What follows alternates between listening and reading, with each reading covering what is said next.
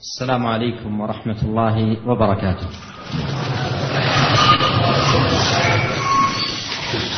الحمد لله نحمده ونستعينه ونستغفره ونتوب إليه ونعوذ بالله من شرور أنفسنا وسيئات أعمالنا من يهده الله فلا مضل له ومن يضلل فلا هادي له وأشهد أن لا إله إلا الله وحده لا شريك له وأشهد أن محمدا عبده ورسوله صلى الله وسلم عليه وعلى آله وأصحابه أجمعين.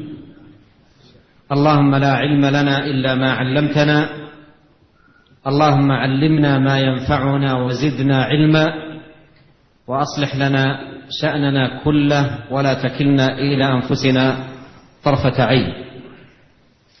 أما بعد أيها الإخوة الكرام في هذه الجامعة يسرني في بدء هذا اللقاء أن أرحب بكم أجمعين وأن أشكر القائمين على هذه الجامعة إتاحة هذه الفرصة التي أسأل الله تبارك وتعالى أن يبارك بمجلسنا هذا وأن يجعله مجلسا عامرا بالخير والنفع والبركة. إنه تبارك وتعالى ولي التوفيق والسداد. Mengawali pembicaraan beliau pada kesempatan malam yang berbahagia ini. Setelah beliau menyampaikan khutbatul hajah beliau ingin menyampaikan terlebih dahulu kepada para ikhwas semuanya di pertemuan kita di malam hari ini di tengah-tengah kampus universitas ini beliau menyampaikan saya terlebih dahulu ingin mengucapkan tarhib ucapan selamat datang kepada antum semuanya yang hadir.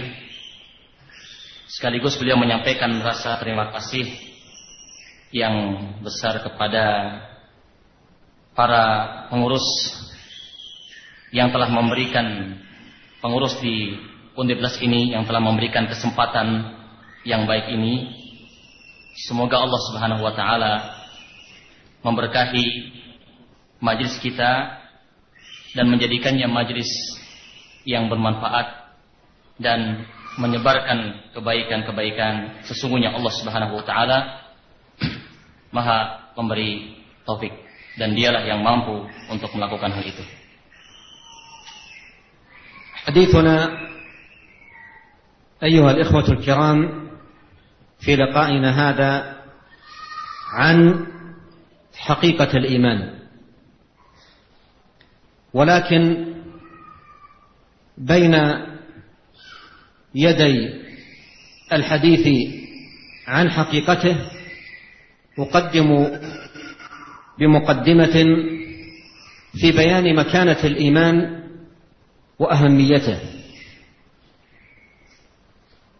وعظيم شأنه. وأنه أعلى المقاصد وأجل الغايات وأنبل الأهداف. فالإيمان لأجله خلقنا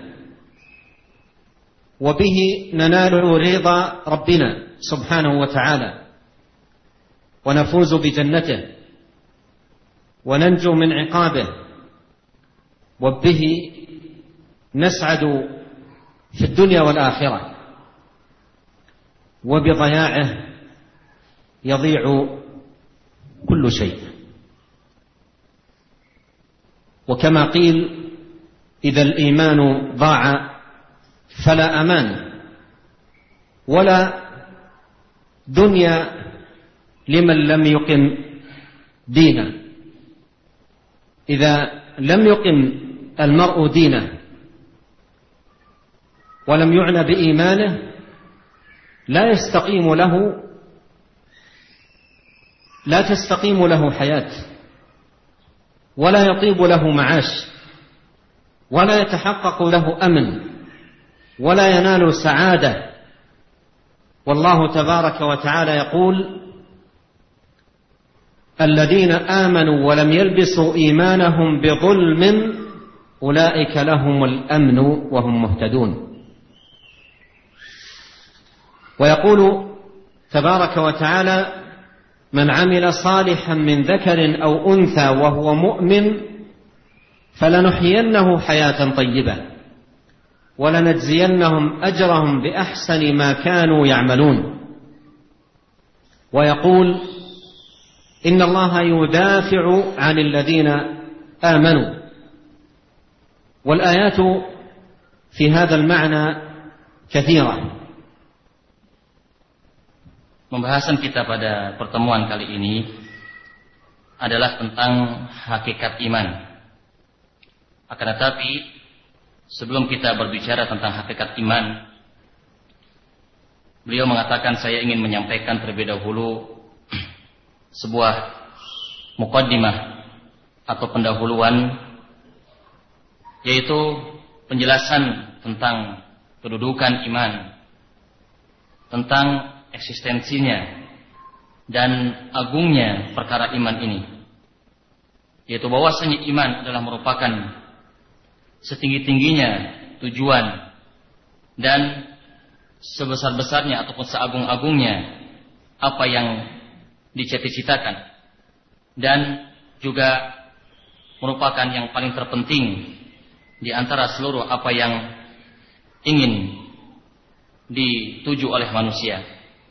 Maka keimanan yang dengannya kita ini yang karenanya kita ini diciptakan oleh Allah Subhanahu wa taala dan dengannya kita akan memperoleh dari roh kita kebahagiaan dan juga memperoleh surganya serta selamat daripada siksanya serta kebahagiaan di dunia maupun di akhirat. Sedangkan dengan hilangnya keimanan, maka akan hilanglah seluruh apa yang disebutkan tadi. Maka di situ seorang apabila dia tidak menegakkan iman dalam dirinya, maka tidak akan menjadi lurus kehidupannya dan penghidupannya dan dia pun tidak akan bisa meresmikan kebahagiaan yang dicita-citakannya serta, uh, serta juga keamanan yang diangan-angankannya. Allah Subhanahu wa taala telah menyebutkan dalam beberapa ayat di antaranya Allah Subhanahu wa taala mengatakan yang artinya orang-orang yaitu orang-orang yang ber, yang telah beriman dan tidak mencampur adukan keimanan mereka dengan kezaliman yaitu kesyirikan maka mereka akan memperoleh keamanan dan juga mereka akan memperoleh petunjuk. Dalam ayat yang lainnya Allah Subhanahu wa taala mengatakan yang artinya barang siapa yang mengerjakan amal soleh baik laki-laki maupun wanita sementara dia adalah seorang yang beriman maka niscaya di situ Allah Subhanahu wa taala akan memberikan penghidupan yang baik baginya. Kemudian dalam ayat yang lain Allah mengatakan yang artinya sesungguhnya Allah Subhanahu wa taala membela orang-orang yang beriman. Dan ayat-ayat yang berbicara tentang hal itu banyak sekali. وثمرات الإيمان وآثاره ونتائجه لا حصر لها ولا عد. فكل خير ينال في الدنيا والآخرة ثمرة من ثمار الإيمان ونتيجة من نتائجه. وكل بلاء يكشف ويزال فكشفه وإزالته والسلامة منه ثمرة من ثمار الإيمان ونتيجة من نتائجه. فالإيمان تترتب عليه وعلى وجوده أنواع الخيرات وصنوف البركات وأنواع العطايا والهبات. وكلما عظم حظ العبد من الإيمان عظم حظه من خيرات الإيمان وبركاته وثماره في الدنيا والآخرة Setelah itu beliau menyampaikan bahwa buah daripada keimanan dan pengaruh-pengaruh baik daripada keimanan tidak bisa kita hitung banyaknya. Maka seluruh kebaikan yang diperoleh baik itu di dunia maupun di akhirat adalah merupakan buah di antara buah-buah iman dan hasil dari hasil-hasil keimanan. Dan setiap bencana ataupun musibah tidaklah dia itu bisa dihilangkan ataupun hilang dan sirna dari seorang melainkan itu adalah merupakan juga buah daripada buah iman. Maka keimanan Di belakangnya banyak sekali macam-macam kebaikan-kebaikan yang akan diperoleh. Banyak sekali di situ karunia-karunia dari Allah Subhanahu wa taala akan dicapai. Maka semakin besar seorang hamba mendapatkan bagian daripada keimanan, semakin besar bagian keimanannya, maka akan semakin besar pula bagian daripada buah buah keimanannya. ويكفي المؤمن فضلا وشرفا انه يتقلب في خيرات في كل احواله في غناه وفقره في صحته ومرضه في سفره وحضره في جميع أحواله يتقلب في خيرات حتى فيما يصاب به من مصائب ويبتلى به من آلام أو أمراض فهو يتقلب في خيرات. ولهذا يقول عليه الصلاة والسلام عجبا لأمر المؤمن. إن أمره كله خير. وذلك لا يكون إلا للمؤمن. إن أصابته سراء شكر فكان خيرا له. وإن أصابته ضراء صبر فكان خيرا له. فالمؤمن في سرائه وفي ضرائه يتقلب في خيرات. فهو في ضرائه يفوز بثواب الصابرين. وفي سرائه يفوز بثواب الشاكرين. والسراء والضراء في هذه الحياة الدنيا نوع من الابتلاء ونبلوكم بالشر والخير فتنة وإلينا ترجعون. فالمؤمن يبتلى بالمال بالثراء ويبتلى أيضا بالفقر والحاجة. وليس إعطاء الإنسان من واسع المال وغزيره دليل على الرضا. وليس أيضا حرمان الإنسان من المال وأنه فقير دليل على السخط. والله عز وجل يقول فأما الإنسان إذا ما ابتلاه ربه فأكرمه ونعمه فيقول ربي أكرمن.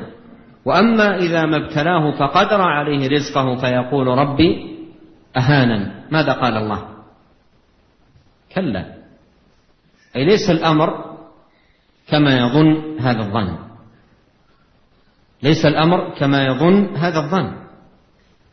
فإن الإنسان قد يكرمه الله بالمال وينعم عليه في في هذه الحياة الدنيا ولا يكون ذلك دليلا على الرضا وإنما هذا المال ابتلي به وامتحن. هل يكون من الشاكرين؟ أو لا يكون. وكذلك من قدر عليه رزقه ليس ذلك دليل على إهانته.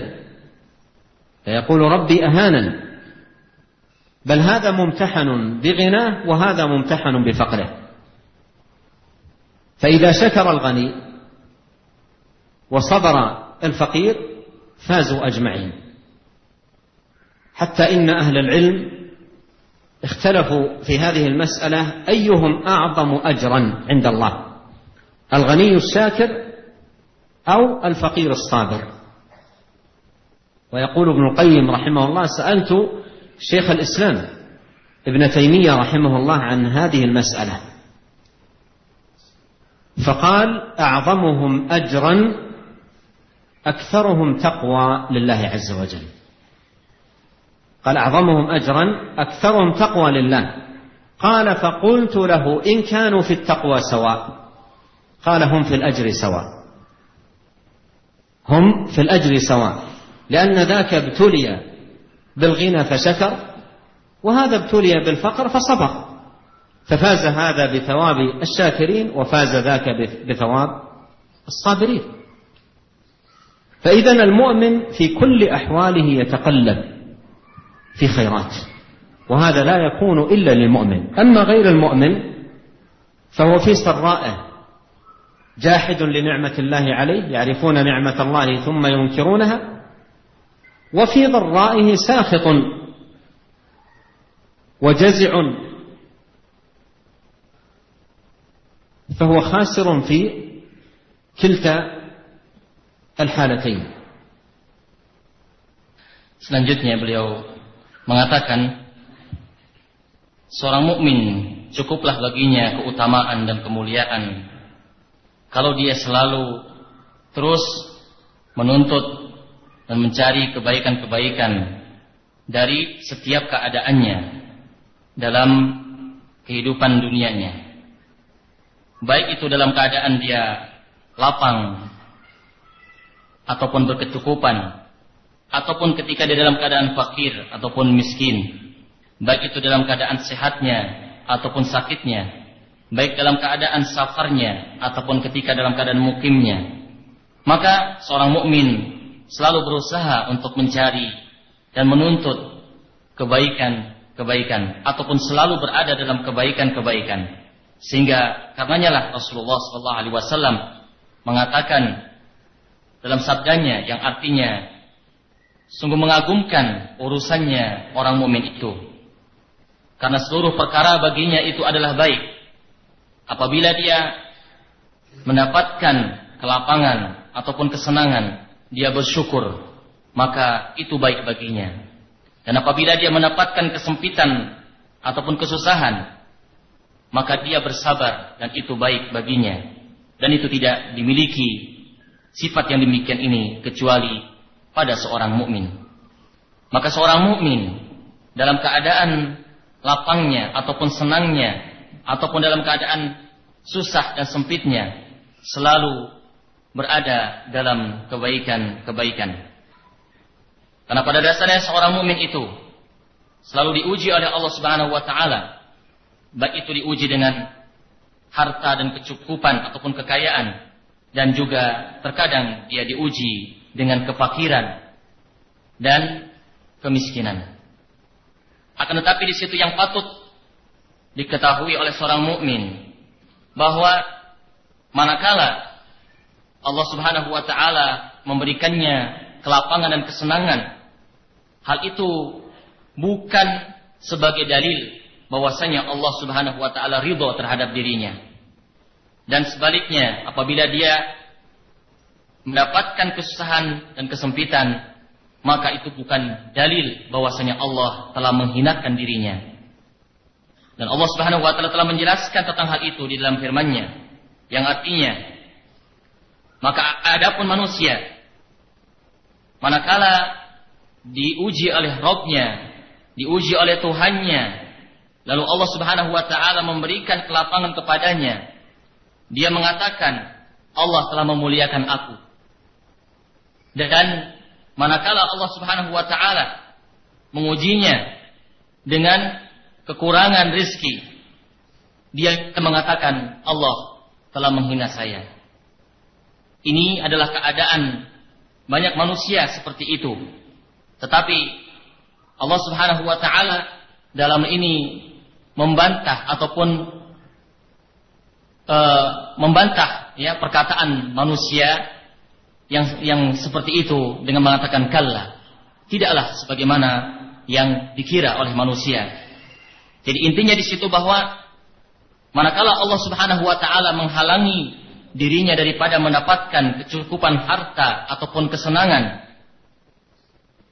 maka itu eh, manakala Allah Subhanahu wa taala memberikan kepadanya kecukupan harta dan kesenangan itu bukan sebagai dalil bahwasanya Allah telah meridhoinya dan juga manakala dia mendapatkan ujian berupa kekurangan harta ataupun mendapatkan kesempitan dalam hal harta, maka itu juga bukan dalil ataupun bukan petunjuk bahwasanya Allah telah menghinakan dirinya. Apabila seorang yang berkecukupan bersyukur kepada Allah Subhanahu wa taala dan apabila seorang yang fakir bersabar dalam keadaannya, maka niscaya kedua-duanya akan memperoleh pahala dari Allah Subhanahu wa taala. Cuma di situ ada pertanyaan, mana yang paling utama di antara keduanya? Apakah seorang yang kaya, yang berkecukupan, yang bersyukur, ataukah seorang fakir yang bersabar? Ibnu Qayyim rahimahullah taala pernah menanyakan hal itu kepada gurunya Syekhul Islam Ibnu Taimiyah rahimahullah taala tentang hal itu. Maka dijawab oleh gurunya Syekhul Islam Ibnu Taimiyah bahwa yang paling besar pahalanya di antara keduanya adalah siapa di antara keduanya yang paling bertakwa kepada Allah Subhanahu wa taala. Siapa yang paling banyak ketakwaannya kepada Allah Subhanahu wa taala, maka dialah yang paling besar pahalanya. Lalu Ibnu Qayyim rahimahullah bertanya lagi, apabila mereka berdua dalam keadaan yang sama pada ketakwaan mereka, maka siapakah yang paling utama di antara keduanya? atau siapa yang paling besar pahalanya, maka Ibnu Taimiyah taala gurunya menyampaikan ataupun menjawab bahwa kedua-duanya kalau begitu sama dalam hal pahala. Maka intinya seorang mukmin dalam seluruh keadaan dia selalu dalam kebaikan-kebaikan, baik itu dalam kesenangannya ataupun kelapangannya maupun dalam kesempitan dan kesusahannya. Dan apabila seorang mukmin apabila seorang dalam keadaan mendapatkan kelapangan atau kecukupan tetapi dia tidak bersyukur kepada Allah Subhanahu wa taala dan angkuh dalam hal bersyukur kepada Allah Subhanahu wa taala dan ketika dia dalam keadaan sempit dia tidak bersabar justru dia di situ mengeluh akan nasibnya ataupun kefakirannya, maka masing-masingnya akan memperoleh kerugian dalam dua keadaannya. ويكفي المؤمن فضلا وشرفا أنه قد فاز بأحسن زينة وأطيب جمال وأزكى حلية إذ الإيمان زينة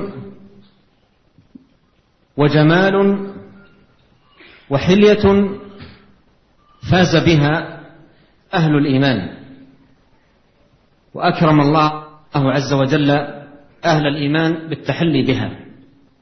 والله عز وجل يقول ولباس التقوى ذلك خير ويقول ولكن الله حبب إليكم الإيمان وزينه في قلوبكم. وكره إليكم الكفر والفسوق والعصيان أولئك هم الراشدون. فضلا من الله ونعمة. وكان نبينا عليه الصلاة والسلام يقول في دعائه اللهم زينا بزينة الإيمان واجعلنا هداة مهتدين. فالإيمان زينة وجمال. ومن عدم الإيمان وفقده فقد الزينة الحقيقية وخسر الجمال الحقيقي. وإن لبس أجمل اللباس. وإن تحلى بأجمل الحلي ففاقد الإيمان حقيقة عار من الجمال وعار من الزينة والحلية إذ الحلية الحقيقية والجمال الحقيقي في الإيمان dan cukuplah bagi seorang mukmin dengan kemuliaan dan keutamaan bahwasanya dia telah memperoleh sebaik-baik perhiasan dan seindah-indah kecantikan dan sebagus-bagusnya perhiasan. Karena iman itu tidak lain adalah perhiasan, keindahan yang mana Allah Subhanahu wa taala memberikannya kepada ahlu iman, kepada orang-orang yang beriman. Allah Subhanahu wa taala telah mengkaruniakan hal tersebut kepada orang-orang yang beriman. Allah Subhanahu wa taala mengatakan yang artinya dan pakaian takwa itu adalah lebih baik. Kemudian dalam ayat yang lainnya Allah Subhanahu wa taala pun mengatakan yang artinya akan tetapi Allah Subhanahu wa taala telah menanamkan kecintaan dalam diri kalian kepada keimanan dan Allah Subhanahu wa taala telah menghiaskan keimanan itu dalam hati kalian dan Allah Subhanahu wa taala telah menanamkan kebencian dalam diri kalian terhadap kekufuran dan kemaksiatan. Dan adalah Nabi kita Muhammad sallallahu alaihi wasallam pernah mengatakan dalam sebuah doanya yang artinya ya Allah hiasilah kami dengan perhiasan iman dan jadikanlah kami sebagai orang-orang yang bisa memberikan petunjuk dan diberi petunjuk. Sedangkan seseorang yang tidak ada padanya keimanan atau hilang daripadanya keimanan, maka akan hilanglah perhiasan dan keindahan dari dirinya Perhiasan dan keindahan yang hakiki dari dirinya. Walaupun dia memakai pakaian yang paling indah, walaupun dia memakai perhiasan-perhiasan yang paling baik, tetapi di situ hakikat daripada perhiasan dan keindahan itu ada pada iman. وقد صح في الحديث فيما رواه الحاكم وغيره عن النبي صلى الله عليه وسلم انه قال إن الإيمان ليخلق في جوف أحدكم كما يخلق الثوب. فاسألوا الله أن يجدد الإيمان في قلوبكم. اللهم جدد الإيمان في قلوبنا. يخلق كما يخلق كما يخلق الثوب أي يبلى ويضعف وينقص بسبب ما يلقاه الإنسان من فتن وصوارف وشهوات وملهيات تضعف إيمانه. وتضعف دينه يخلق كما يخلق الثوب. وكل واحد منا عندما يخلق ثوبه ويكون باليا قديما هل يبقيه على جسده أم يسارع إلى تجديده؟ وإذا كان الواحد منا يهتم بتجديد ثيابه ونظافتها ويعتني بها عناية دقيقة فمقام الإيمان أعظم ومكانته أجل. فيحتاج صاحب الإيمان أن يتعاهد إيمانه وأن يعمل على تجديد إيمانه وتقويته وأن يسأل الله تبارك وتعالى أن يجدد إيمانه مع اتخاذ الأسباب النافعات في هذا المقام العظيم. Lalu beliau menyampaikan telah sahih dalam sebuah hadis yang diriwayatkan oleh Al-Hakim dan yang lainnya di mana Nabi sallallahu alaihi wasallam bersabda yang artinya sesungguhnya iman itu dapat pudar dapat pudar pada diri salah seorang dari kalian sebagaimana pudarnya pakaian. Maksudnya di situ adalah Nabi SAW mengupamakan iman ini seperti pakaian. Dia bisa menjadi lapuk, maka keimanan pun bisa demikian. Maksudnya bahwa keimanan itu bisa melemah dan bisa berkurang sebagaimana halnya pakaian yang bisa menjadi lapuk. Karena banyaknya perkara-perkara yang dapat merusak ataupun yang mengurangi keimanan dari fitnah-fitnah baik itu syubhat maupun syahwat dan berbagai hal yang lainnya yang itu menjadi perusak-perusak ataupun penghalang-penghalang bagusnya iman seseorang. Apabila seseorang memperhatikan urusan memperbagus pakaiannya, memperbagus pakaiannya, memperindah pakaiannya, maka di situ sepatutnya dia lebih utama untuk memperhatikan bagaimana memperbaharui keimanannya, memperkuat keimanannya, memperbagus keimanannya. Lalu beliau menyampaikan doa, semoga Allah uh, kami uh, saya memohon kepada Allah Subhanahu wa taala atau kita memohon kepada Allah Subhanahu wa taala, semoga Allah Subhanahu wa taala selalu memperbaiki keimanan kita dan menguatkannya.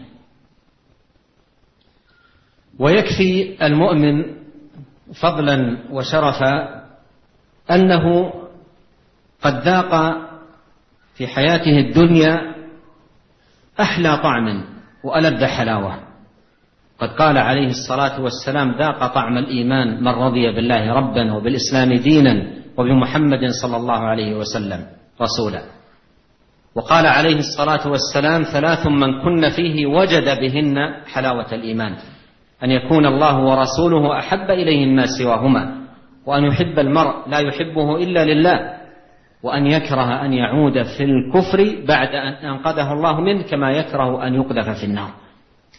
فالإيمان له حلاوة وله طعم لذيذ فاز به المؤمن وذاق حلاوته المؤمن ومن فقد الإيمان وخرج من هذه الحياة الدنيا وهو فاقد له يكون والعياذ بالله قد دخل الدنيا وخرج منها ولم يذق أهنأ شيء فيها. Dan cukuplah bagi seorang mukmin bahwa dia telah merasakan dalam kehidupan dunia ini sebaik-baiknya rasa sebagaimana Nabi SAW telah mengatakan dalam sebuah hadisnya yang artinya telah merasakan manisnya iman seseorang yang mengatakan Rabbku adalah Allah Subhanahu wa taala dan agamaku adalah Islam serta nabiku adalah Muhammad sallallahu alaihi wasallam.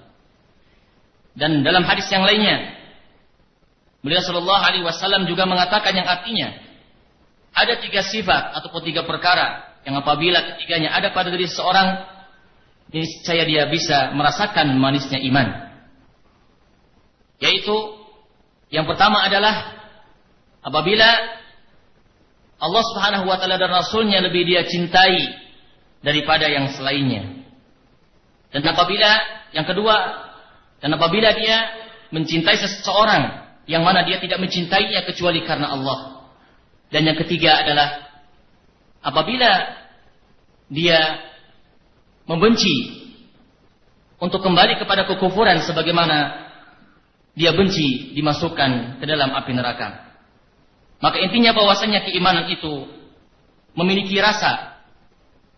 Dia itu memiliki kelezatan yang hanya bisa dirasakan oleh seorang mukmin yang hakiki.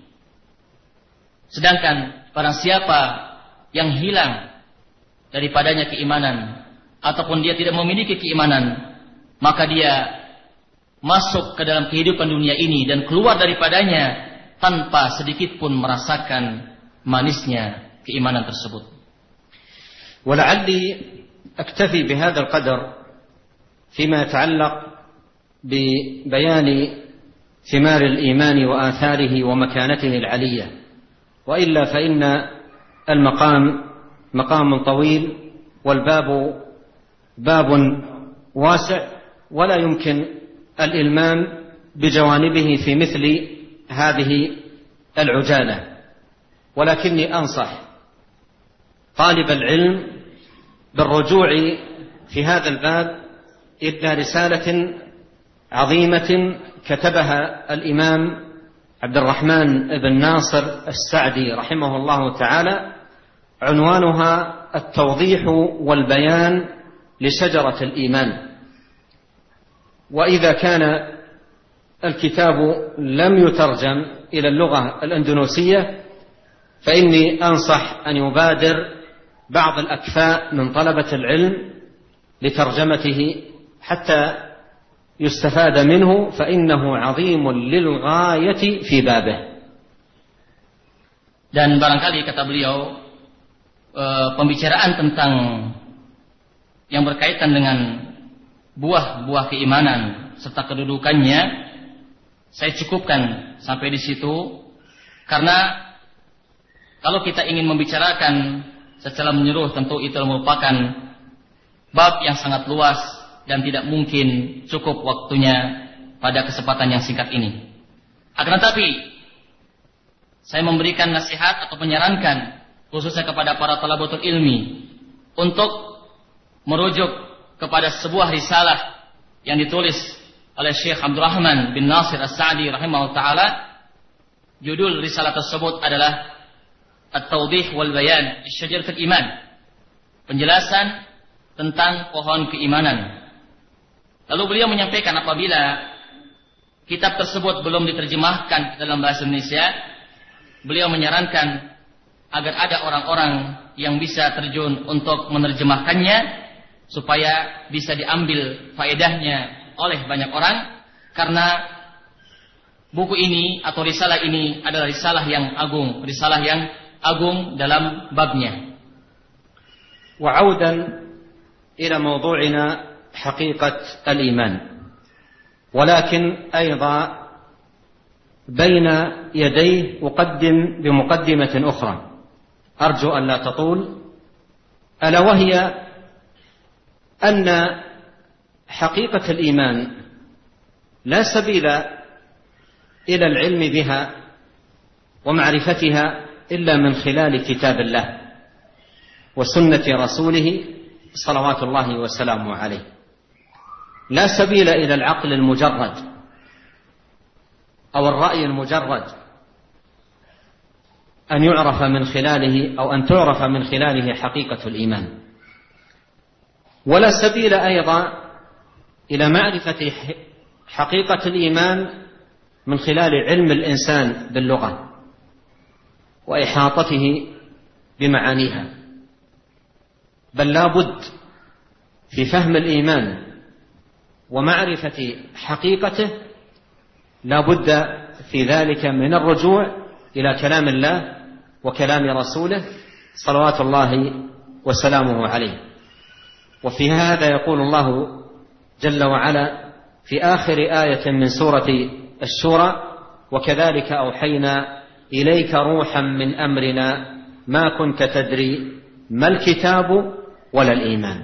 ولكن جعلناه نورا نهدي به من نشاء من عبادنا وإنك لتهدي إلى صراط مستقيم.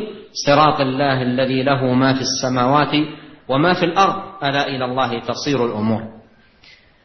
وفي الصحيحين من حديث ابن عباس رضي الله عنهما لما جاء وفد عبد القيس إلى النبي عليه الصلاة والسلام وقالوا له مرنا بقول فصل نخبر به من وراءنا وندخل به الجنة أمرهم عليه الصلاة والسلام بالإيمان. ثم قال أتدرون ما الإيمان؟ والقوم عرب ويفهمون اللغة ومعانيها ودلالاتها. قال أتدرون ما الإيمان؟ قالوا الله ورسوله أعلم. قالوا الله ورسوله أعلم. قال الإيمان شهادة أن لا إله إلا الله وأن محمدا رسول الله وإقام الصلاة وإيتاء الزكاة وأن تعطوا الخمس من المغنم. ففسر لهم عليه الصلاة والسلام وكانوا لما قال لهم أتدرون ما الإيمان قالوا الله ورسوله أعلم أي أن الإيمان حقيقته إنما تعلم بوحي الله وتنزيله كلامه وكلام رسوله صلوات الله وسلامه عليه Kembali kepada pembahasan kita tentang hakikat iman. Namun kata beliau saya pun ingin memberikan sedikit mukadimah pula, mukadimah yang lainnya. Yaitu bahwasannya hakikat iman dalam hal kita mengetahui hakikat iman tersebut tidaklah di situ kita bisa mengetahuinya kecuali melalui kitab Allah dan melalui perkataan Rasulnya Shallallahu Alaihi Wasallam. Jadi untuk bisa mengetahui hakikat iman hanyalah melalui perantaraan kitab Allah dan sunnah Rasul Rasulullah Shallallahu Alaihi Wasallam. Bukan kepada akal semata. Bukan pula kepada ilmu seseorang ataupun pengetahuan seorang dalam bahasa. Maksudnya dalam bahasa Arab. Tetapi itu sekali lagi yang namanya hakikat iman hanya bisa diketahui dengan merujuk kepada perkataan Allah Subhanahu wa taala dan perkataan Rasulnya sallallahu alaihi wasallam. Dalam akhir surat Asy-Syura Allah Subhanahu wa taala telah menjelaskan yang artinya demikianlah dan demikianlah kami telah wahyukan kepada kepada engkau wahai Muhammad ruh dari urusan kami yang mana engkau sebelumnya tidak mengetahui apakah itu Alkitab dan apakah itu Al-Iman baru kemudian Allah Subhanahu wa taala menjelaskan intinya di situ di sini Allah Subhanahu wa taala menjelaskan bahwa Nabi SAW sebelumnya tidak mengetahui apa itu hakikat iman, tapi dengan wahyu dari Allah Subhanahu Wa Taala, Allah berikan penjelasan kepada Nabi-Nya Shallallahu Alaihi Wasallam tentang hakikat iman tersebut. Kemudian dalam Sahihain, ini Sahih Bukhari dan Muslim, ketika datang utusan dari Abqais, di mana mereka bertanya-tanya kepada Nabi SAW tentang banyak hal. Tentang banyak hal. Di antaranya di situ adalah bagaimana caranya mereka bisa masuk ke dalam surga dan yang lain-lainnya. Nabi SAW kemudian memberitakan kepada mereka untuk beriman. Nabi SAW memerintahkan mereka untuk beriman. Tapi kemudian Nabi bertanya kepada mereka, tahukah kalian apakah itu iman? Nabi SAW bertanya tentang hal ini kepada siapa? Kepada mereka yang notabene adalah mereka orang-orang awam. Tapi apa jawaban mereka? Qalu Allah wa Rasulullah alam. Allah dan Rasulnya saja yang tahu. Allah dan Rasulnya yang lebih tahu. Maka Nabi Shallallahu Alaihi Wasallam kemudian menjelaskan bahwa iman itu adalah syahadatu alla ilaha illallah persaksian bahwasanya tidak ada sembahan yang hak kecuali Allah dan bahwasanya Muhammad adalah Rasulullah dan mendirikan salat serta kalian memberikan seperlima dari ghanimah yang kalian peroleh. Laisa الإيمان فلسفة متكلم ولا منطق متكلف ولا آراء متحذلق الإيمان وحي نازل من الله تبارك وتعالى وإنه لتنزيل رب العالمين. نزل به الروح الأمين على قلبك لتكون من المنذرين بلسان عربي مبين. فالإيمان عماده كلام الله وكلام رسوله عليه الصلاة والسلام. فمن لم يعول على الكتاب والسنة في فهم إيمانه ومعرفة دينه فمسلكه كله ضلال wal-bayan. Lalu beliau menjelaskan bahwasanya keimanan itu bukan filsafat orang-orang mutakallim dan bukan pula mantik dari orang-orang yang berbicara. Tetapi iman adalah wahyu yang turun dari Allah Subhanahu wa taala. Sebagaimana Allah Subhanahu wa taala telah menjelaskannya di dalam Al-Qur'an. Dalam firman-Nya yang artinya sesungguhnya dia yakni Al-Qur'an turun dari Rabb semesta alam yang dibawa oleh Ruhul Amin yaitu Jibril alaihissalam yang diberikan kepada Nabi Sallam agar Nabi Sallam menjadi pemberi peringatan kepada seluruh manusia. Maka keimanan itu hakikatnya adalah bersumber daripada kalam Allah dan juga bersumber daripada kalam Rasulullah sallallahu alaihi wasallam. Maka barang siapa yang tidak kembali kepada Al-Qur'an atau kepada kalam Allah dan kepada kalam Rasulnya dalam hal mengetahui hakikat iman, maka sesungguhnya dia akan terjatuh ke dalam kesiaan dan bahkan terjatuh ke dalam kesesatan yang nyata. فيا أيها المؤمن أقبل على وحي الله الكتاب والسنة أقبل على هذا المعين العذب والمورد الزلل لتزدد إيمانا ولتنهل يقينا وإذا ما أنزلت سورة فمنهم من يقول أيكم زادته هذه إيمانا؟ فأما الذين آمنوا فزادتهم إيمانا وهم يستبشرون. ويقول جل وعلا إنما المؤمنون الذين إذا ذكر الله وجلت قلوبهم وإذا تليت عليهم آياته زادتهم إيمانا وعلى ربهم يتوكلون. الذين يقيمون ومما رزقناهم ينفقون أولئك هم المؤمنون حقا maka wahai orang yang beriman hendaklah kamu kembali kepada wahyu Allah Subhanahu wa taala baik itu Alkitab maupun As-Sunnah yang merupakan yang, eh, yang, yang merupakan perkara yang dapat membantu kamu untuk bisa mengetahui hakikat daripada keimanan tersebut.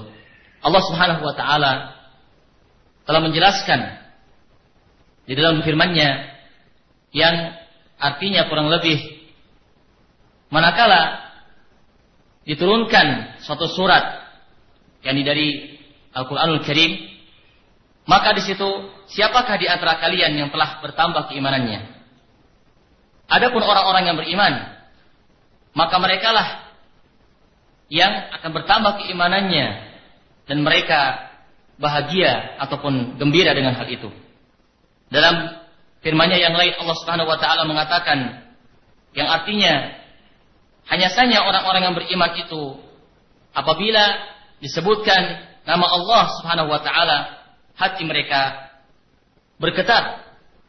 Dan apabila dibacakan kepada mereka ayat-ayat Allah, bertambahlah keimanan mereka dan mereka bertawakal kepada Rabb mereka.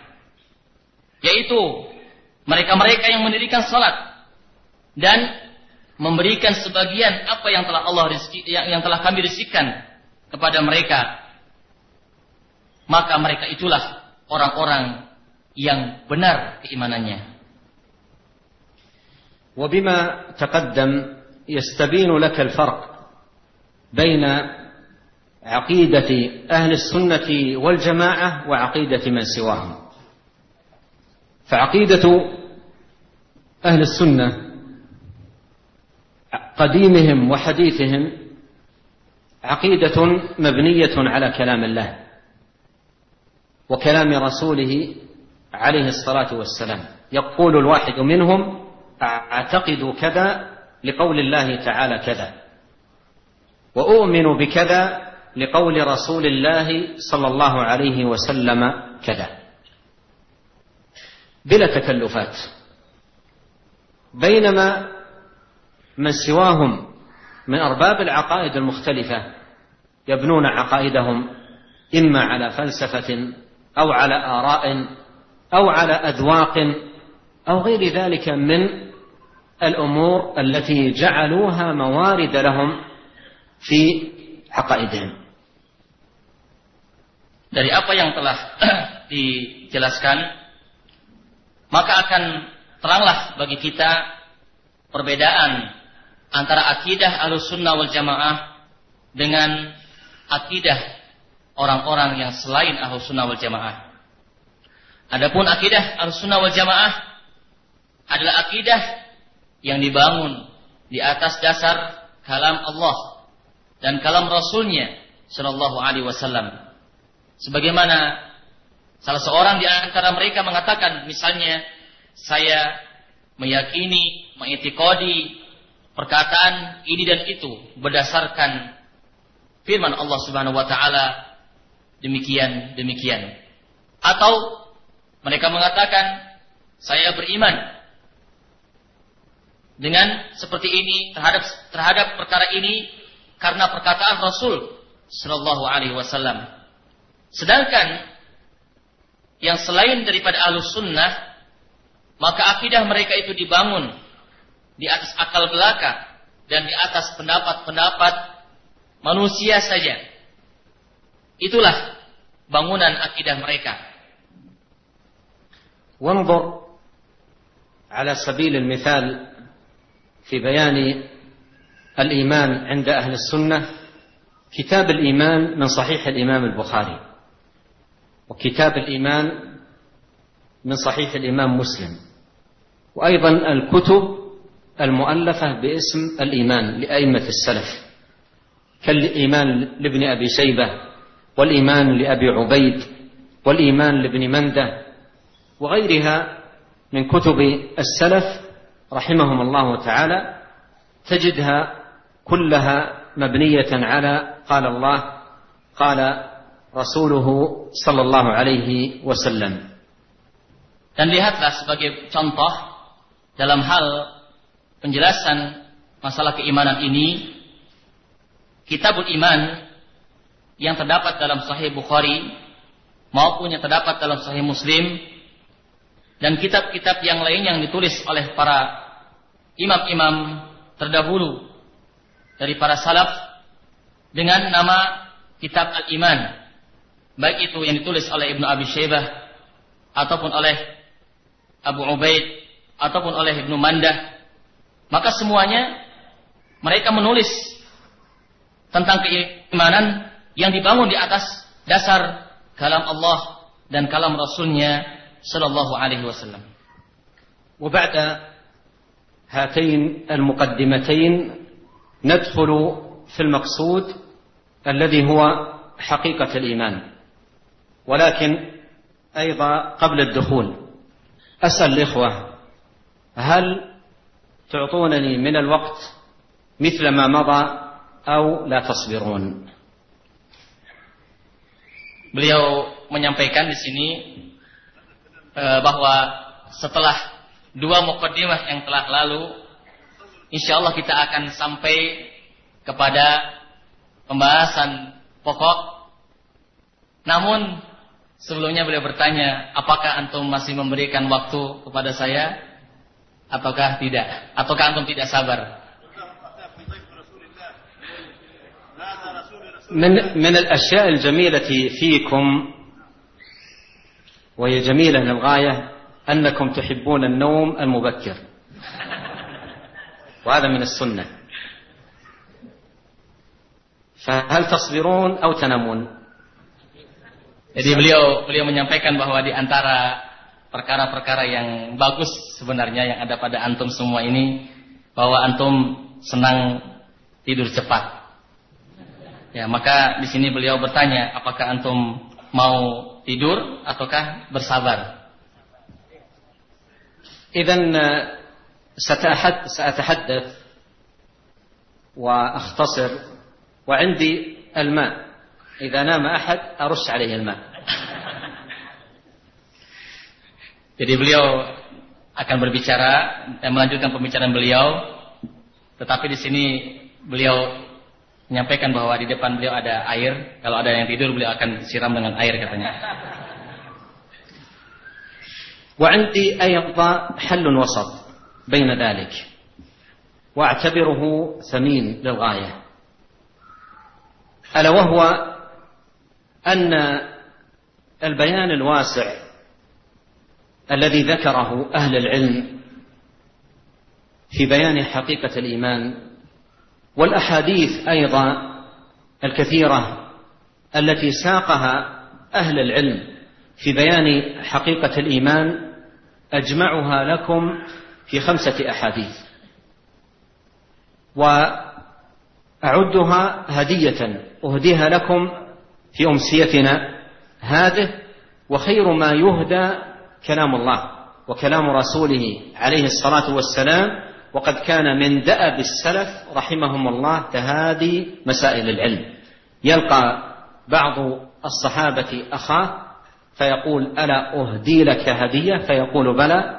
فيذكر له حديثا من كلام رسول الله صلوات الله وسلامه عليه Lalu beliau menyampaikan bahwa ada penyelesaian yang tengah-tengah dalam hal ini dan ini beliau sampaikan bahwa ini adalah uh, sesuatu yang penting yaitu bahwasanya penjelasan yang panjang lebar yang telah disebutkan oleh ahli ilmu atau para ulama dalam hal menjelaskan tentang hakikat keimanan dan juga hadis-hadis yang dibawakan oleh para ulama dalam kitab-kitab mereka yang begitu banyak beliau akan mengumpulkannya ataupun merangkum semua hadis tersebut dalam lima hadis saja. Dan beliau sampaikan bahwa ini beliau anggap sebagai hadiah dari beliau untuk antum semua.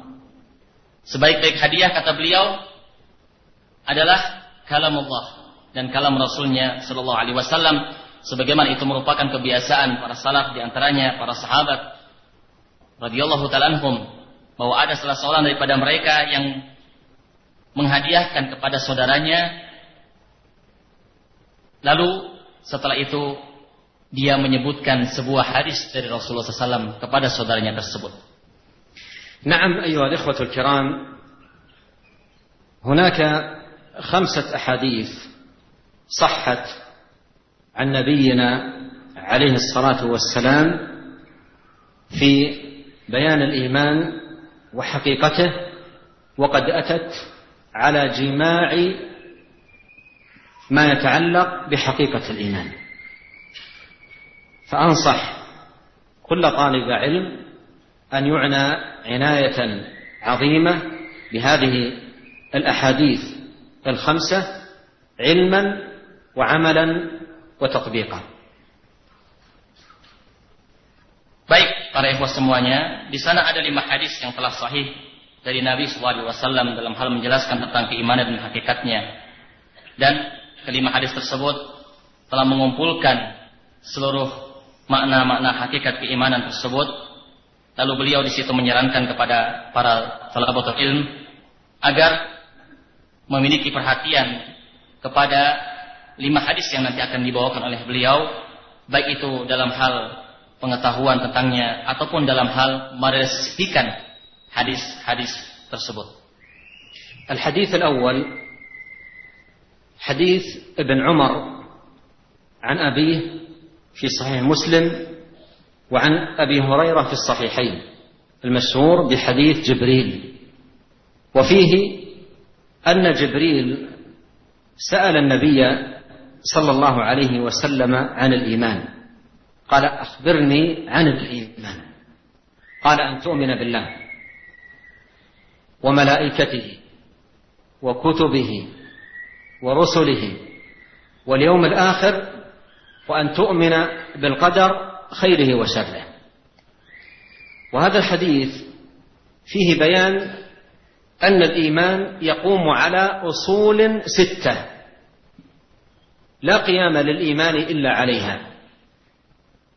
بينت في هذا الحديث وذكرت مجتمعة فيه كما أنها أيضا جاءت مبينة في عدد من آي القرآن الكريم. كقوله تعالى ولكن البر من آمن بالله واليوم الآخر والملائكة والكتاب والنبيين وقوله تعالى كل آمن بالله وملائكته وكتبه ورسله لا نفرق بين أحد من رسله وقالوا سمعنا وأطعنا غفرانك ربنا وإليك المصير.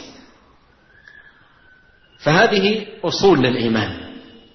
لا قيام للإيمان إلا عليها وهي أصول مترابطة متلازمة لا ينفك بعضها عن البعض الآخر. الإيمان ببعضها يقتضي الإيمان بباقيها والكفر ببعضها كفر بباقيها. ومن كفر بشيء منها بطلت أعماله وحبط دينه كما قال الله سبحانه وتعالى ومن يكفر بالإيمان فقد حبط عمله وهو في الآخرة من الخاسرين.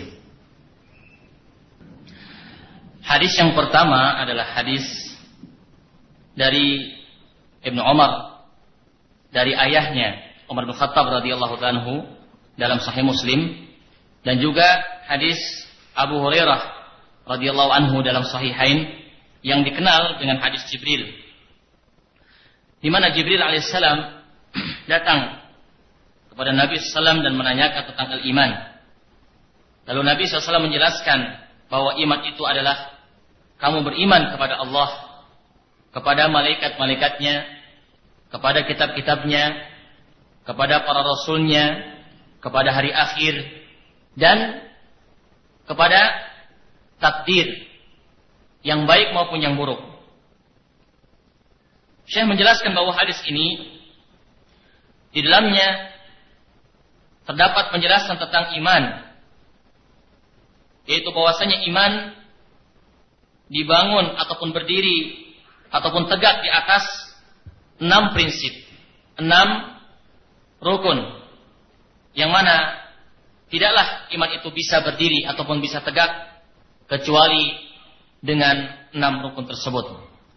Di mana enam rukun ini sebagian besarnya telah disebutkan secara berturut-turut di dalam beberapa ayat yaitu di antaranya adalah firman Allah Subhanahu wa taala yang artinya akan tetapi kebaikan itu adalah seseorang yang beriman kepada Allah, beriman kepada hari akhir, beriman kepada Alkitab, beriman kepada para malaikat dan juga beriman kepada para nabi. Dan juga dalam hadis dalam ayat yang lainnya Allah Subhanahu wa taala menyatakan yang artinya semuanya beriman kepada Allah dan kepada para malaikatnya dan kepada kitab-kitabnya dan kepada para rasulnya. Dan kami tidak membeda-bedakan antara para rasul tersebut. Dan mereka mengatakan wahai Rabb kami dan mereka mengatakan, wahai Rabb kami. Ya, kemudian qala sami'na wa ata'na. Kami beri, eh, kami mendengar dan kami taat. Kami mendengar dan kami taat. Ghufranaka Rabbana wa ilaikal masir.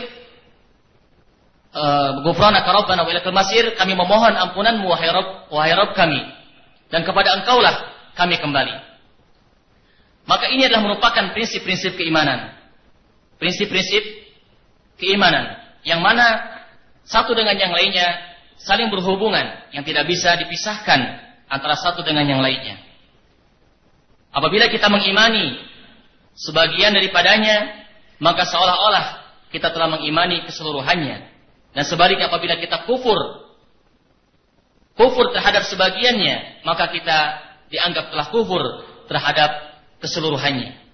Dan Allah Subhanahu wa taala telah mengatakan di dalam salah satu ayatnya yang artinya di situ dan barang siapa yang kufur terhadap iman maka telah gugurlah seluruh amalnya dan dia di akhirat kelak akan menjadi golongan orang-orang yang merugi. الحديث الثاني حديث ابن عباس رضي الله عنهما المخرج في الصحيحين وهو مشهور بحديث وفد عبد القيس. وقد سبق سبقت الإشارة إلى هذا الحديث. لما جاء هذا الوفد إلى النبي عليه الصلاة والسلام وقالوا إن بيننا وبينك هذا الحي من كفار مضر فلا نستطيع أن نأتيك إلا في الشهر الحرام فمرنا بقول فصل نخبر به من وراءنا وندخل به الجنة. فأمرهم بالإيمان بالله. ثم قال أتدرون ما الإيمان بالله؟ قال الله ورسوله أعلم. قال الإيمان بالله شهادة أن لا إله إلا الله وأن محمد رسول الله وإقام الصلاة وإيتاء الزكاة وأن تعطوا الخمس من المغنم. ففسر عليه الصلاة والسلام الإيمان وبين حقيقة الإيمان بالعمل الظاهر. من صلاة وزكاة ونحو ذلك فهذه الأعمال كلها إيمان. بينما الحديث الأول فسر فيه الإيمان بالعقائد الباطنة التي في القلب. فأفاد مجموع الحديثين أن الإيمان عقيدة وشريعة. عقيدة في القلب وشريعة بأعمال وطاعات وعبادات يتقرب بها المؤمن إلى الله.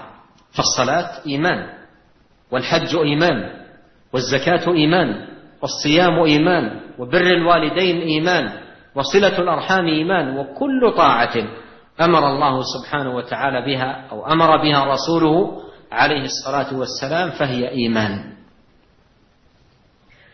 Hadis yang kedua yaitu hadis Ibnu Abbas radhiyallahu taala anhuma di dalam sahihain yang dikenal dengan hadis utusan Abd Qais yang telah disebutkan ya sebelumnya sudah diisyaratkan oleh beliau di mana utusan ini datang kepada Nabi SAW dan mengatakan bahwa di antara kami dengan engkau ada sebuah kampung yang menghalangi kami. Maka di situ mereka meminta kepada Nabi SAW untuk untuk menyampaikan sebuah perkataan kepada orang-orang yang ada di kampung mereka ataupun di kabilah mereka untuk disampaikan kepada mereka dan bagaimana di situ agar mereka bisa masuk ke dalam surga. Maka Nabi SAW kemudian memerintahkan mereka untuk beriman kepada Allah Subhanahu wa taala. Tapi setelah itu Nabi bertanya kepada mereka, "Tahukah kalian apakah itu iman?" Mereka mengatakan Allah dan Rasulnya lebih tahu. Kemudian Nabi Shallallahu Alaihi Wasallam menjelaskan bahwa Iman itu adalah persaksian bahwasanya tidak ada sembahan yang hak kecuali Allah dan bahwasanya Muhammad adalah utusan Allah mendirikan salat, menunaikan zakat dan memberikan seperlima daripada ghanimah. Maka Nabi SAW di situ telah menjelaskan tentang keimanan dan menjelaskan tentang hakikat iman. Dalam hadis ini, dalam hadis yang kedua ini, Beliau menjelaskan iman dan hakikatnya itu dengan amal-amal yang zahir. Yaitu berupa salat, berupa zakat. Sedangkan dalam hadis yang sebelumnya, Nabi SAW menjelaskan tentang iman dan hakikatnya dengan apa yang berkaitan dengan keyakinan-keyakinan hati. Dari dua hadis ini saja memberikan faedah kepada kita bahwasanya iman itu meliputi keyakinan dan meliputi pula keyakinan hati dan juga meliputi amalan-amalan zahir. Maka yang berkaitan dengan amalan zahir seperti salat, maka dia adalah iman. Zakat adalah iman. Silaturahim adalah iman. Dan seluruh ketaatan-ketaatan yang diperintahkan oleh Allah Subhanahu wa taala dan Rasulnya, maka itu adalah iman. الحديث الثالث حديث أبي هريرة المخرج في الصحيحين ومشهور بحديث الشعب عن النبي صلى الله عليه وسلم أنه قال الإيمان بضع وسبعون شعبة وفي رواية بضع وستون شعبة.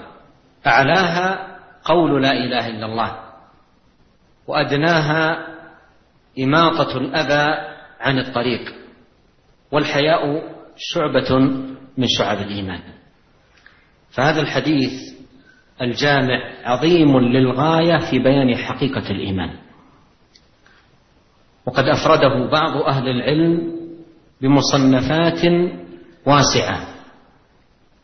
في بيان دلالات هذا الحديث وفوائده العظيمة في بيان حقيقة الإيمان. وعندما تتأمل هذا الحديث فيما يتعلق تحديدا ببيان حقيقة الإيمان تجد أنه دل على أن الإيمان منه ما يكون في القلب ومنه ما يكون باللسان ومنه ما يكون بالجوارح. فليس الإيمان في القلب فقط. ليس الإيمان شيء يكون في القلب فقط بل الإيمان في القلب واللسان والجوارح. قال أعلاها قول لا إله إلا الله أي أعلى شعب الإيمان. وأدناها إماطة الأذى عن الطريق والحياء شعبة من شعب الإيمان. قول اللسان أعلاها قول لا إله إلا الله أعلاها قول لا إله إلا الله أي قولها بالقلب عقيدة وباللسان نطقا وتلفظا. وأدناها إماطة الأذى عن الطريق وإماطة الأذى عمل يقوم به المؤمن بيده فهو عمل من أعمال الإيمان وشعبة من شعبه وثوابه عند الله سبحانه وتعالى عظيم. والحياء وهو عمل من أعمال القلوب وخصلة من خصال القلوب إذا قامت في القلب أعانت الإنسان على التحلي بالفضائل والتخلي من الرذائل وأما من لا يستحي فإنه لا يبالي فيما صنع وإن مما أدرك الناس من كلام النبوة الأولى إذا لم تستحي فاصنع ما شئت Hadis yang ketiga pada kesempatan malam hari ini adalah hadis Abu Hurairah radhiyallahu taala dalam sahihain yang dikenal dengan hadis Syu'abul Iman. Di mana Nabi sallallahu alaihi wasallam mengatakan yang artinya iman itu ada sekian, ada 70 sekian cabang. Atau dalam riwayat yang lainnya 60 sekian cabang. Yang paling tertinggi dari cabang-cabang keimanan tersebut adalah ucapan la ilaha illallah. Dan yang terendahnya adalah menyingkirkan sesuatu yang mengganggu dari jalanan. Dan rasa malu adalah salah satu cabang dari keimanan. Apabila kita perhatikan hadis ini, bahwa hadis ini telah mengumpulkan penjelasan tentang hakikat keimanan dan adalah para ulama telah menulis kitab-kitab yang menjelaskan tentang berbagai faedah-faedah ataupun makna-makna dari hadis ini. Dan manakala kita berbicara tentang hal ini, maka kita dapatkan bahwa bahwasanya keimanan di antaranya di situ ada yang dilakukan dengan hati. Ada pula yang dilakukan dengan lisan, dengan lidah. Dan ada pula yang dilakukan dengan anggota badan.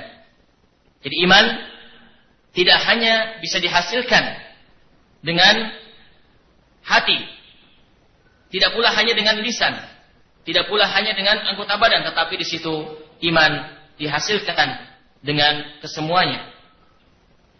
Perkataan Nabi SAW dalam hadis ini bahwa a'laha qaulu la ilaha yang tertinggi dari cabang-cabang iman itu adalah ucapan la ilaha illallah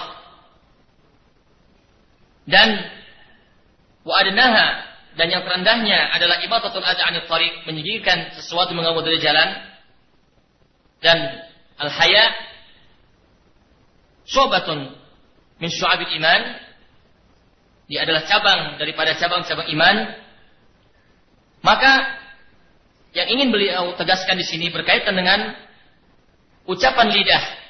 Pada saat seorang mengucapkan la ilaha illallah maka itu adalah sebelumnya bersumber dari keyakinan dalam hati yang kemudian diucapkan dengan lisan, dengan lidah.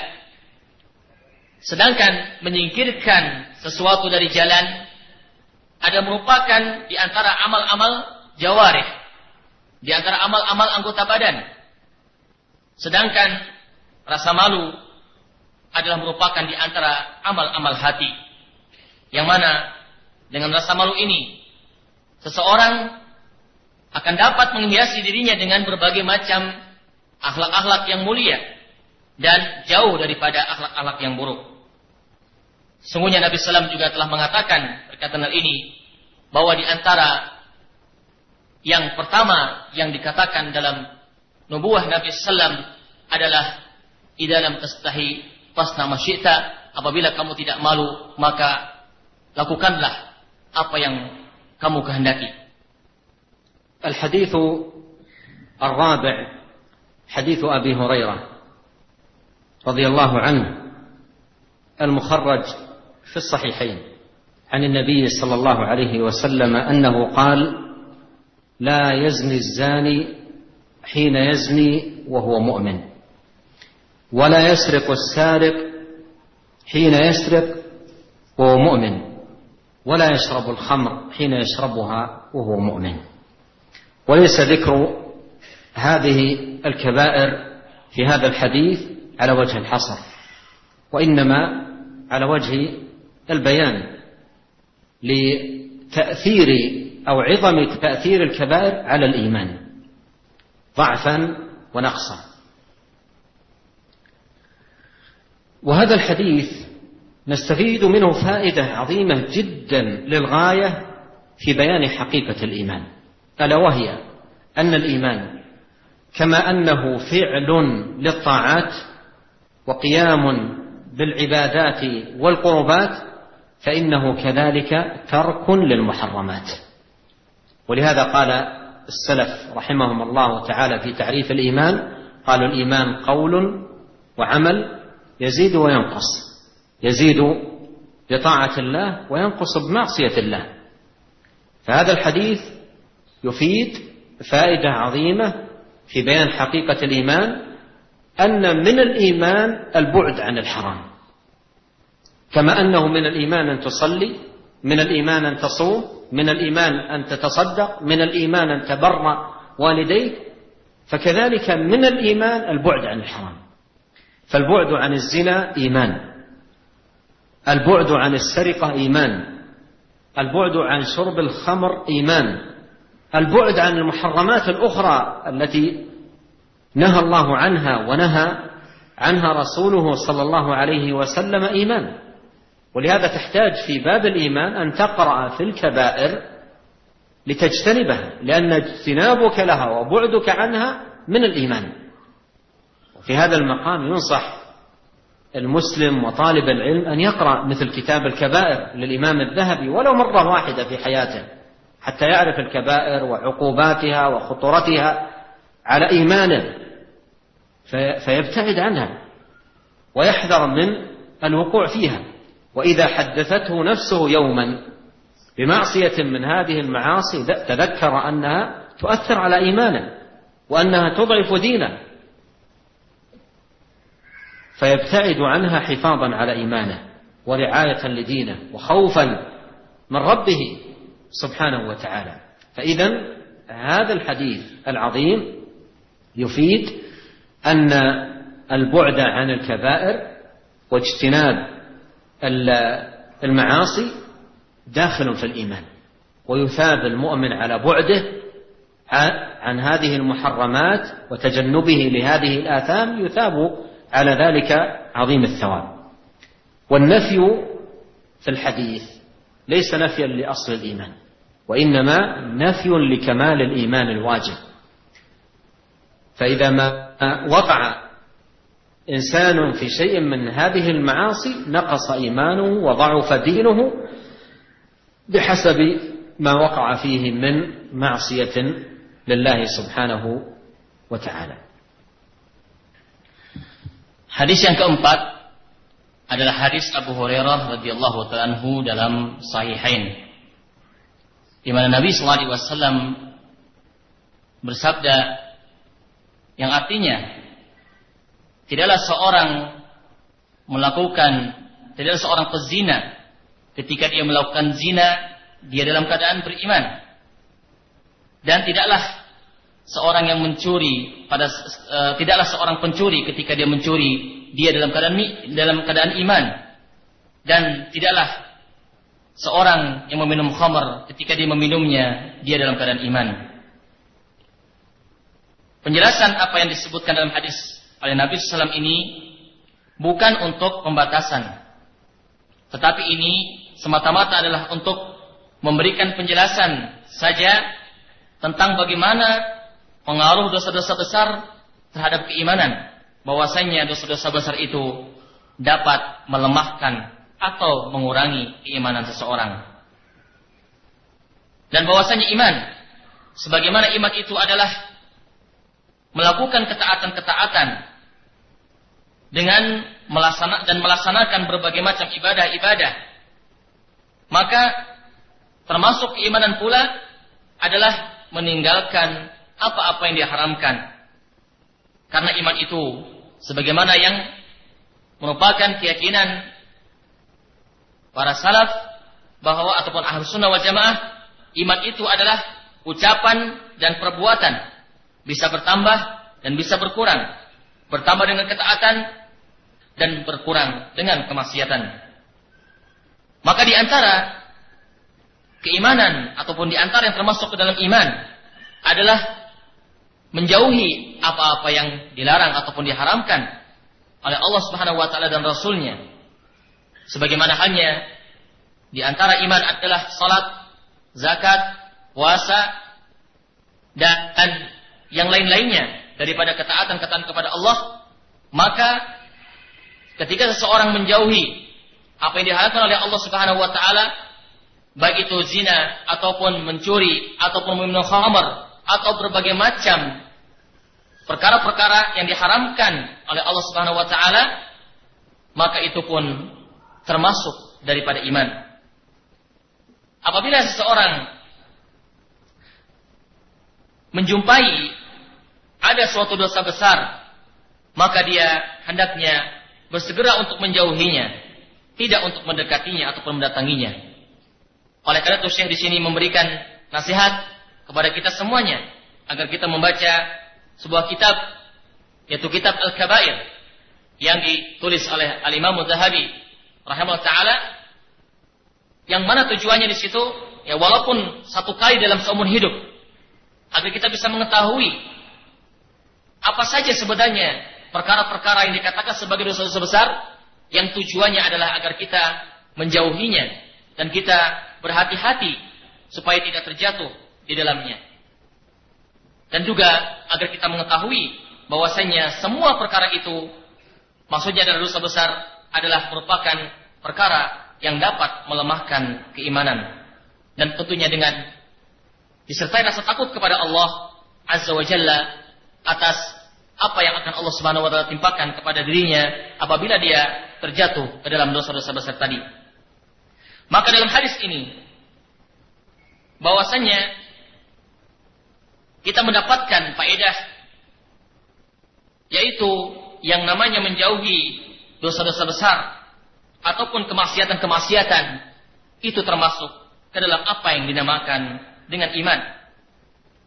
Dan bahwasanya seorang mukmin akan diberi pahala dengan pahala yang besar manakala dia menjauhi dosa-dosa besar ataupun kemaksiatan-kemaksiatan. Adapun peniadaan yang disebutkan dalam hadis ini Yaitu ketika Nabi SAW mengatakan tidaklah seorang yang tidaklah seorang pezina ketika dia berzina dia dalam keadaan beriman. Maka peniadaan di sini bukanlah meniadakan asal iman. Bukan meniadakan asal iman, tetapi meniadakan kesempurnaan iman yang wajib. وإذا كان للزنا والعياذ بالله هذا التأثير على الإيمان حيث قال النبي عليه الصلاة والسلام لا يزني الزاني حين يزني وهو مؤمن فإن المرأة أو الفتاة إذا تجملت وتزينت وتعطرت وخرجت إلى الشارع أو المجتمعات العامة فإن مهمتها بهذا الخروج أصبحت مهمة إضعاف للإيمان في مجتمعها. وأصبحت بخروجها هذا عونا للشيطان وأداة من أدواته التي يصل من خلالها إلى إضعاف الإيمان في المجتمعات المسلمة. وهنا يقال هنيئا ثم هنيئا للمرأة المحتشمة المعتنية بحجابها المراعية لطاعة ربها سبحانه وتعالى المبتعدة عن مثل هذه الأمور التي هي من أعظم إثارة الفتن وتأجيج الشهوات. Apabila kita mendapati pada perbuatan zina wali billah pengaruh yang begitu buruknya sebagaimana dikatakan oleh Nabi Shallallahu alaihi wasallam. Maka seorang wanita ataupun seorang pemudi apabila dia mempercantik diri, berhias, memakai wewangian, lalu kemudian dia keluar ke jalanan ataupun di tengah-tengah masyarakat umum, maka urusan keluarnya di tengah-tengah masyarakat umum itu hakikatnya adalah urusan melemahkan iman mereka dan membantu syaitan dalam rangka untuk melemahkan keimanan manusia. Dalam ini kami mengatakan kata beliau selamat kepada seorang wanita yang memiliki keteguhan dan mentaati Allah Subhanahu wa taala lalu dia menjauhi perkara tersebut menjauhi perkara tersebut karena hal itu menunjukkan bahwa dia adalah seorang wanita yang beriman الحديث الخامس حديث سفيان بن عبد الله الثقفي المخرج في صحيح مسلم قال رضي الله عنه قلت يا رسول الله قل لي في الإسلام قولا لا أسأل عنه احدا غيرك. قال قل آمنت بالله ثم استقم. وهذا الحديث من جماع الكلم في بيان حقيقة الإيمان. قل آمنت بالله ثم استقم. وهو نظير قول الله تعالى إن الذين قالوا ربنا الله ثم استقاموا فلا خوف عليهم ولا هم يحزنون. وقوله تعالى إن الذين قالوا ربنا الله ثم استقاموا تتنزل عليهم الملائكة ألا تخافوا ولا تحزنوا وأبشروا بالجنة التي كنتم توعدون. وقد أفاد هذا الحديث العظيم أن الإيمان عقيدة وشريعة علم وعمل. وأن الإيمان مجاهدة للنفس ومقاومة للشبهات ومصابرة ومرابطة إلى الممات. لأن النبي عليه الصلاة والسلام أمر بالاستقامة على الإيمان ثم استقم. أي حافظ على على هذا الإيمان واعتني به واحرص على رعايته إلى أن يتوفاك الله. على ذلك نسأل الله عز وجل أن يحيينا مسلمين وأن يتوفانا مؤمنين. اللهم أصلح لنا ديننا الذي هو عصمة أمرنا وأصلح لنا دنيانا التي فيها معاشنا وأصلح لنا آخرتنا التي فيها معادنا واجعل الحياة زيادة لنا في كل خير والموت راحة لنا من كل شر. اللهم زينا بزينة الإيمان واجعلنا هداة مهتدين. اللهم إنا نسألك حبك وحب من يحبك والعمل الذي يقربنا إلى حبك. اللهم إنا نسألك الثبات في الأمر والعزيمة على الرشد ونسألك شكر نعمتك وحسن عبادتك ونسألك قلبا سليما ولسانا صادقا ونسألك من خير ما تعلم ونعوذ بك من شر ما تعلم ونستغفرك مما تعلم إنك أنت علام الغيوب. اللهم إنا نسألك بأسمائك الحسنى وصفاتك العليا وبأنك أنت الله لا إله إلا أنت أن تتقبل منا مجلسنا هذا وأن تجعله في ميزان حسناتنا وأن تجعل ما قلناه حجة لنا لا علينا وأن تصلح لنا شأننا كله والا تكلنا إلى أنفسنا طرفة عين. إنك سميع الدعاء. وأنت أهل الرجاء وأنت حسبنا ونعم الوكيل والله تعالى أعلم وصلى الله وسلم على عبده ورسوله نبينا محمد وآله وصحبه أجمعين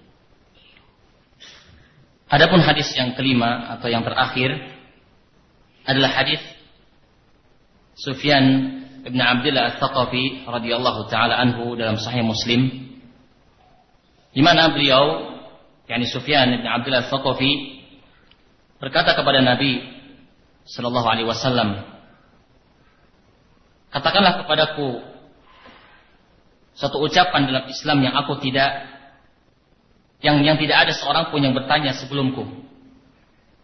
Maka Nabi SAW mengatakan, Qul amantu billah tsumastaqim. Katakanlah, aku beriman kepada Allah. Kemudian teguhlah engkau di atas hal itu. Hadis ini di antara perkataan-perkataan yang mengandungi makna yang luas. Di mana Allah Subhanahu wa taala pun telah menjelaskan tentang perkara tersebut di dalam firman-Nya. Di antaranya adalah Allah Subhanahu wa taala mengatakan yang artinya sesungguhnya orang-orang yang mengatakan Rob kami adalah Allah kemudian mereka beristiqomah di atas hal itu maka mereka itu tidaklah merasa takut dan tidak pula merasa sedih. Dan ayat yang serupa Allah Subhanahu wa taala juga mengatakan yang artinya sesungguhnya orang-orang yang mengatakan Rob kami adalah Allah kemudian mereka beristiqomah di atasnya maka akan turun kepada mereka para malaikat yang mengatakan kepada mereka janganlah kalian bersedih dan jangan pula kalian merasa takut. Dan Kemudian mereka, para malaikat memberikan kabar gembira berupa surga yang disediakan bagi mereka. Dan bahwasanya keimanan dari apa yang sudah dijelaskan dalam hadis ini meliputi akidah dan syariah, meliputi ilmu dan amal. Dan bahwasanya iman itu adalah mujahadatun nafs. Bagaimana mengendalikan hawa nafsu serta bagaimana menolak segala macam bentuk syubhat-syubhat yang dapat mengganggu peningkatan keimanannya. Maka beliau di situ memberikan nasihat kepada kita semuanya agar kita menjaga keimanan kita, memperhatikan memperhatikan iman kita dan agar kita bersungguh-sungguh dalam hal tersebut sampai Allah Subhanahu wa taala mewafatkan kita semua. Dan akhirnya pada akhir pembicaraan atau pertemuan ini beliau menyampaikan beberapa doa yang Saya tidak bisa sebutkan satu persatu. Intinya di situ semoga Allah Subhanahu wa taala mengabulkan apa yang telah beliau sampaikan dari doa-doa beliau tadi dan semoga Allah Subhanahu wa taala memberikan taufik kepada kita semuanya. Wallahu taala Ada pertanyaan? Bismillah. Assalamualaikum. Ana Ikhwan baru belajar. Alhamdulillah Ana diberi semangat oleh Allah untuk belajar. Ana pengen belajar di pondok tetapi Ana punya ibu yang sudah tua. Ya, cuman ibu saja ya dari orang tua yang tinggal dengan adik perempuan Ana. Mana yang lebih afdol? Belajar tinggal di ma'had atau menjaga ibu di rumah? Jazakumullahu khairan. Sailun yaqul ya Syekh, ana ahadul ikhwah uh, yani hadisu ahdin بالتعلم بهذا الدين Alhamdulillah Allah Subhanahu wa taala atani al-hirs ala talab al-ilm wa fil haqiqah ana urid an ata'allam fil ma'had walakin walakin indi um وهي عجوز. وليس لي غير سوى أم. وهي تسكن مع أختي. فالسؤال أيهما أفضل؟ هل أنا أتعلم وأسكن في المعهد؟ أو يعني أحفظ أو يعني الأم. جزاكم الله خيرا. أولا يشكر هذا السائل على حرصه على العلم وطلبه وكذلك يشكر على حرصه على البر بوالدته. فهو يشكر على الأمرين وهذا من أمارات الخير. ومن كان حريصا على العلم وحريصا على بر والدته فهذا من أمارات التوفيق ودلالات الخير. والذي أنصح به هذا السائل هو أن يجمع بين الخيرين وهذا ممكن.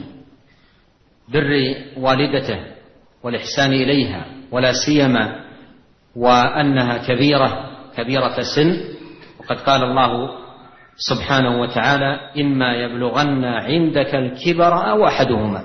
فبلوغ الأبوين الكبر عند الابن هذا باب عظيم من أبواب الفوز برضا الله سبحانه وتعالى. فالذي أنصح به هذا الأخ السائل أن يحرص على الجمع بين الأمرين البر بوالدته وطلب العلم. وإن تيسر له آه، معهد قريب من بيته يذهب للدراسة فيه ثم يعود لوالدته والقيام بشؤونها وأعمالها فهذا حسن. وإن لم يكن ذلك متيسرا إلا أن يذهب إلى معهد بعيد يدرس فيه فإذا كانت المنطقة التي هو فيها لا يوجد فيها أهل علم ولا يوجد فيها طلاب علم وكانت والدته ليست بحاجة إلى خدمته لوجود أخته معها أو بعض إخوانه معها وأذنت له بذلك فهذا أيضا يكون مما سبق الجمع بين الخيرين. Untuk menjawab pertanyaan penanya tadi, soal lak wa soal li. Soalun laka wa soalun li. عندك سؤال وأنا عندي سؤال ليس أنت فقط تسأل أنا أريد أن أسأل Eh, nah. Jadi kata beliau, antum mengajukan pertanyaan kepada saya, saya pun akan mengajukan pertanyaan kepada antum. من من يحفظ الاحاديث الخمسه؟ أترجم ولا شيء؟ تفضل. الجواب ما ما ترجمت الجواب؟ ما ترجمت. طيب.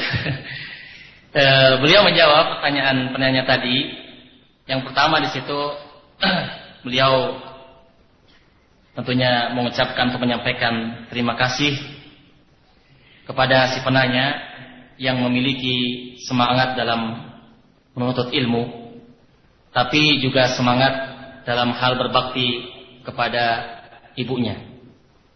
Dan ini sebenarnya di antara tanda-tanda kebaikan dan juga tanda taufik dari Allah Subhanahu wa taala. Namun beliau di sini memberikan nasihat Kalau dia mampu untuk menggabungkan antara kedua kebaikan ini, maka itu lebih utama. Dia berbakti kepada ibunya dan bisa belajar di ma'had. Dan itu sesuatu yang sebenarnya mungkin.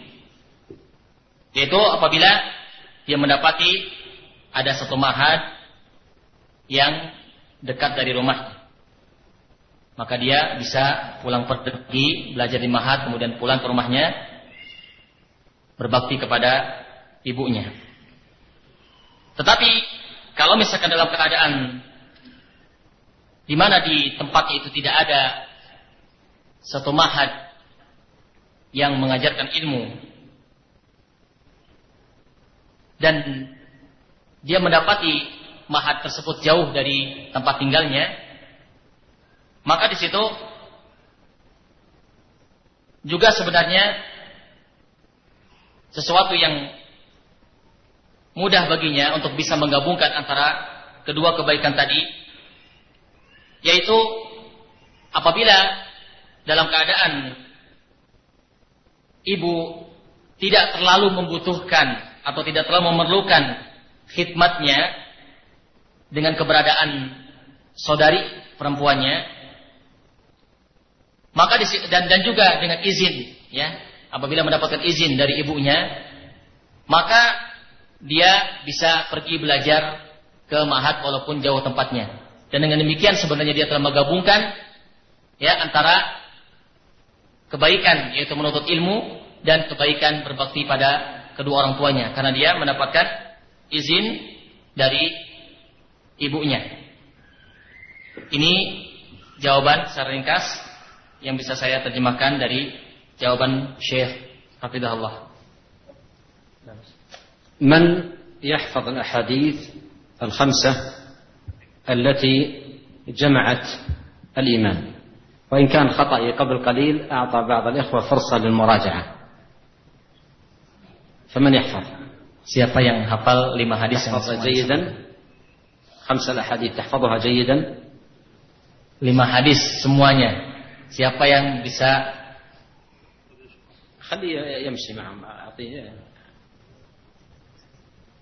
menyampaikan ya lima hadis secara keseluruhan, secara sempurna. من يحفظ خمسة حديث تحفظ خمسة خمسة كلها أيوة تفضل خليه ابن المكبر تفضل بسم الله Awalan al-ism thumma al-jawab. Sebutkan namanya dulu baru kemudian silakan menjawab. Ismi Yoyo Rianto. الحديث الأول حديث عن عمر بن الخطاب رضي الله عنه أو ما يقال بحديث جبريل. آه، أذكر حديث تماما أو نعم تذكر نعم. عن قال أخبرني عن الإيمان. قال جبريل أخبرني عن الإيمان.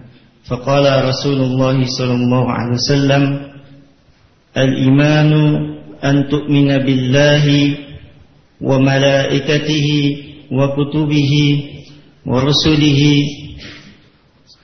واليوم الآخر وتؤمن بالقدر خيره وشره. الحديث الثاني. الحديث الثاني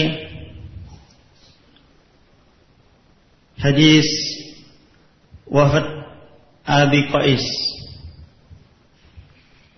وهو قول الرسول صلى الله عليه وسلم أتدرون ما الإيمان؟ قالوا الله ورسوله أعلم. قال الإيمان شهادة أن لا إله إلا الله وأن محمد رسول الله وإقامة الصلاة وإيتاء الزكاة. وصوم رمضان وأن تؤتوا خمس من المغنم. من الغنائم. نعم. الحديث الثالث حديث أبي هريرة رضي الله تعالى عنه وهو قول, قول الرسول صلى الله عليه وسلم لا يزني الزاني حين يزني وهو مؤمن. ولا يسرق السارق حين يسرق وهو مؤمن. الحديث الرابع. حديث أبي هريرة. وهو أيضا حديث أبي هريرة رضي الله تعالى عنه. الإيمان بضع. الإيمان بضع وسبعون شعبة. أعلاها قول لا إله إلا الله وأدناها إماتة الأذى عن الطريق والحياء شعبة من شعب الإيمان. الحديث الخامس. والحديث الخامس حديث سفيان بن عبد الله الثقفي آه قال قل لي في الإسلام. قل لي في الإسلام قولا لا أسأل عنه غيرك. قال قل آمنت بالله ثم استقيم. ممتاز ما شاء الله. فاهم وين ال- هذا جوال هدية للمشرف